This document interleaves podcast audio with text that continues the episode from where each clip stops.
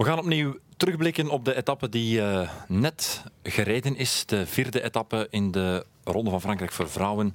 Die van Troyes naar uh, Bar-le-Duc. Een etappe over onverharde wegen, gewonnen door Marlen Reusser uiteindelijk. We gaan trachten drie conclusies te trekken. Wat heb ik opgeschreven in één? Zoals gecontesteerd, er is heel veel over gezegd en geschreven, maar achteraf moeten we toch durven concluderen, deze gravelrit had zijn plaats.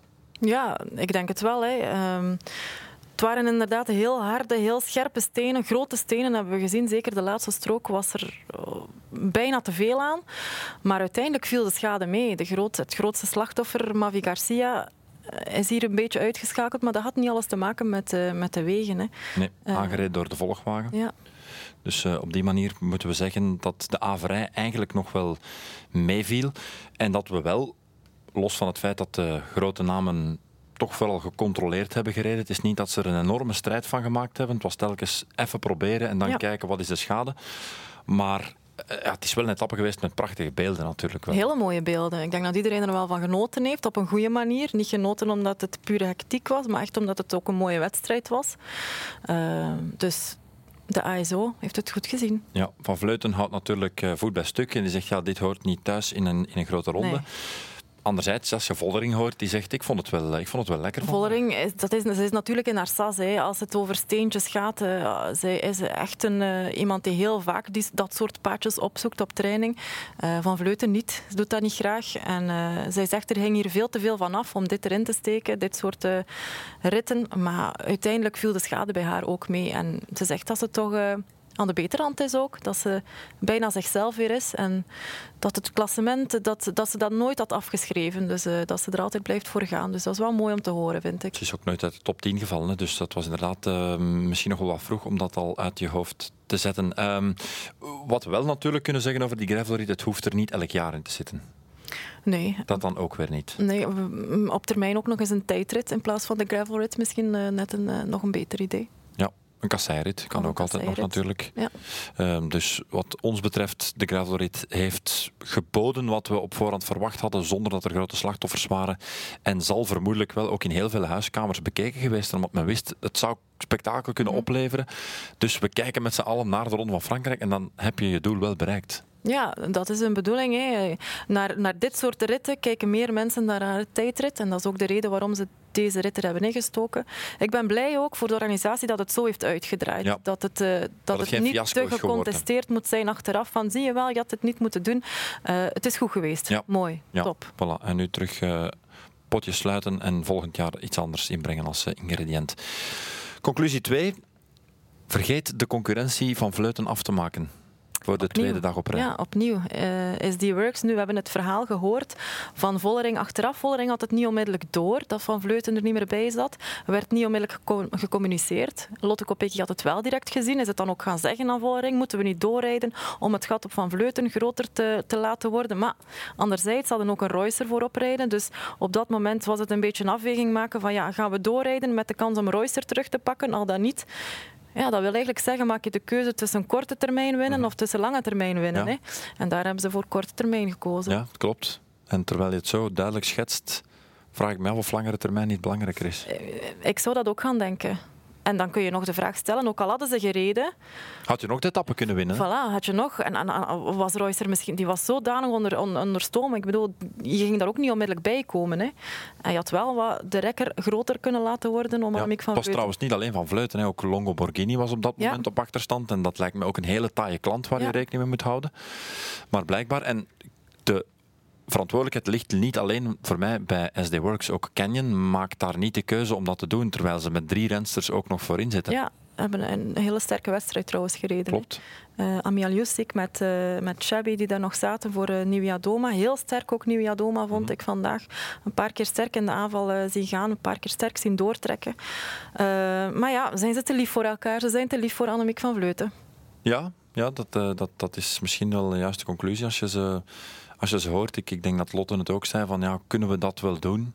En zei ze, kunnen we dat wel doen? Ja. Ten opzichte van Royster bedoelt ze waarschijnlijk, hè? Kunnen we ah, dat wel doen? Ik ten opzichte van Vleuten, maar Nee, ik denk dat het ten opzichte van Royster was. Okay. Kunnen we wel achter haar rijden? Ze verdient het ook. Royster is een echte teamplayer. Dit is haar moment. We willen er niet achter rijden. Uiteindelijk, kijk naar uh, Van Aert. Van Aert en Vingegaard op uh, Otakam. Ja. Ze rijden achter Van Aert. Hè. Ja. Ze rijden het gat dicht, want ze willen Pogacar op verdere achterstand zetten. Hè. Maar dat zijn keuzes die uiteindelijk de ploegleiding moet maken. Hè? Ja, ja, uiteraard. Zeker. zeker. Dus, uh, maar goed, ze, ze, ze halen het uiteindelijk en zullen daar ook altijd hun gelijk halen. Alleen vraag ik me af, en we kunnen daar geen antwoord op geven, maar we gaan toch de vraag stellen: gaan ze er spijt van krijgen straks? Ik ben Want ze was ziek nu, hè? En straks is en ze wordt alsmaar beter, hè? Ze wordt alsmaar beter. Maar toch blijf ik mij de vraag stellen: in welke mate kun je daarvan recupereren? Van, van zoveel dagen niet te eten, niet te drinken. Ja, met de middelen wel nog altijd mee. Ze rijdt nog altijd mee, maar niet op de manier waarop ze het wil. En dan nog, elke dag in een grote ronde moet je eigenlijk al gaan eten voor de volgende dag. Moet je al beginnen aanvullen voor de dag die komt. En als je diezelfde dag nog niet kunt aanvullen, laat staan dat je de dag die komt kunt aanvullen. Dus ik, ik trek er nog altijd een beetje in twijfel. Oké. Oké, ja, zeker. Het is, eh, het is en blijft een lastige en lange onderneming. Misschien dat zo'n etappe van morgen, als er een groep zou wegrijden, of zelfs als er gecontroleerd wordt voor de sprint, dat dat eigenlijk voor haar ideaal is om eens even terug wat op krachten te komen. Ja. Maar dan kom ik terug. Gaat men zich niet beklagen dat men de voorbije twee dagen niet gebruikt heeft? Waarschijnlijk. En het zal hen zeker nog gevraagd worden. Ongetwijfeld. Mocht er zaterdag een uh, enorme machtsexplosie van Vleuten komen uh, in de Vogezen. Drie. Um, gisteren nog gezegd, ja, ze heeft duidelijk niet de benen van het voorjaar. Ze heeft die nog altijd niet, voor al duidelijkheid. Maar Kopecky groeit. Kopecky groeit, zeker in de wedstrijd gewoon zelf al. Hè. Niet dag per dag, maar doorheen de wedstrijd, doorheen dat ze meer kilometers aan het malen is. Is ook gewoon van veel kilometers te maken op training. Is gewoon van harde trainingen te hebben en heeft dat ook wel nodig om beter te worden. Je hebt altijd renners of rensters die beter worden gedurende een lange etappekoers. Hè.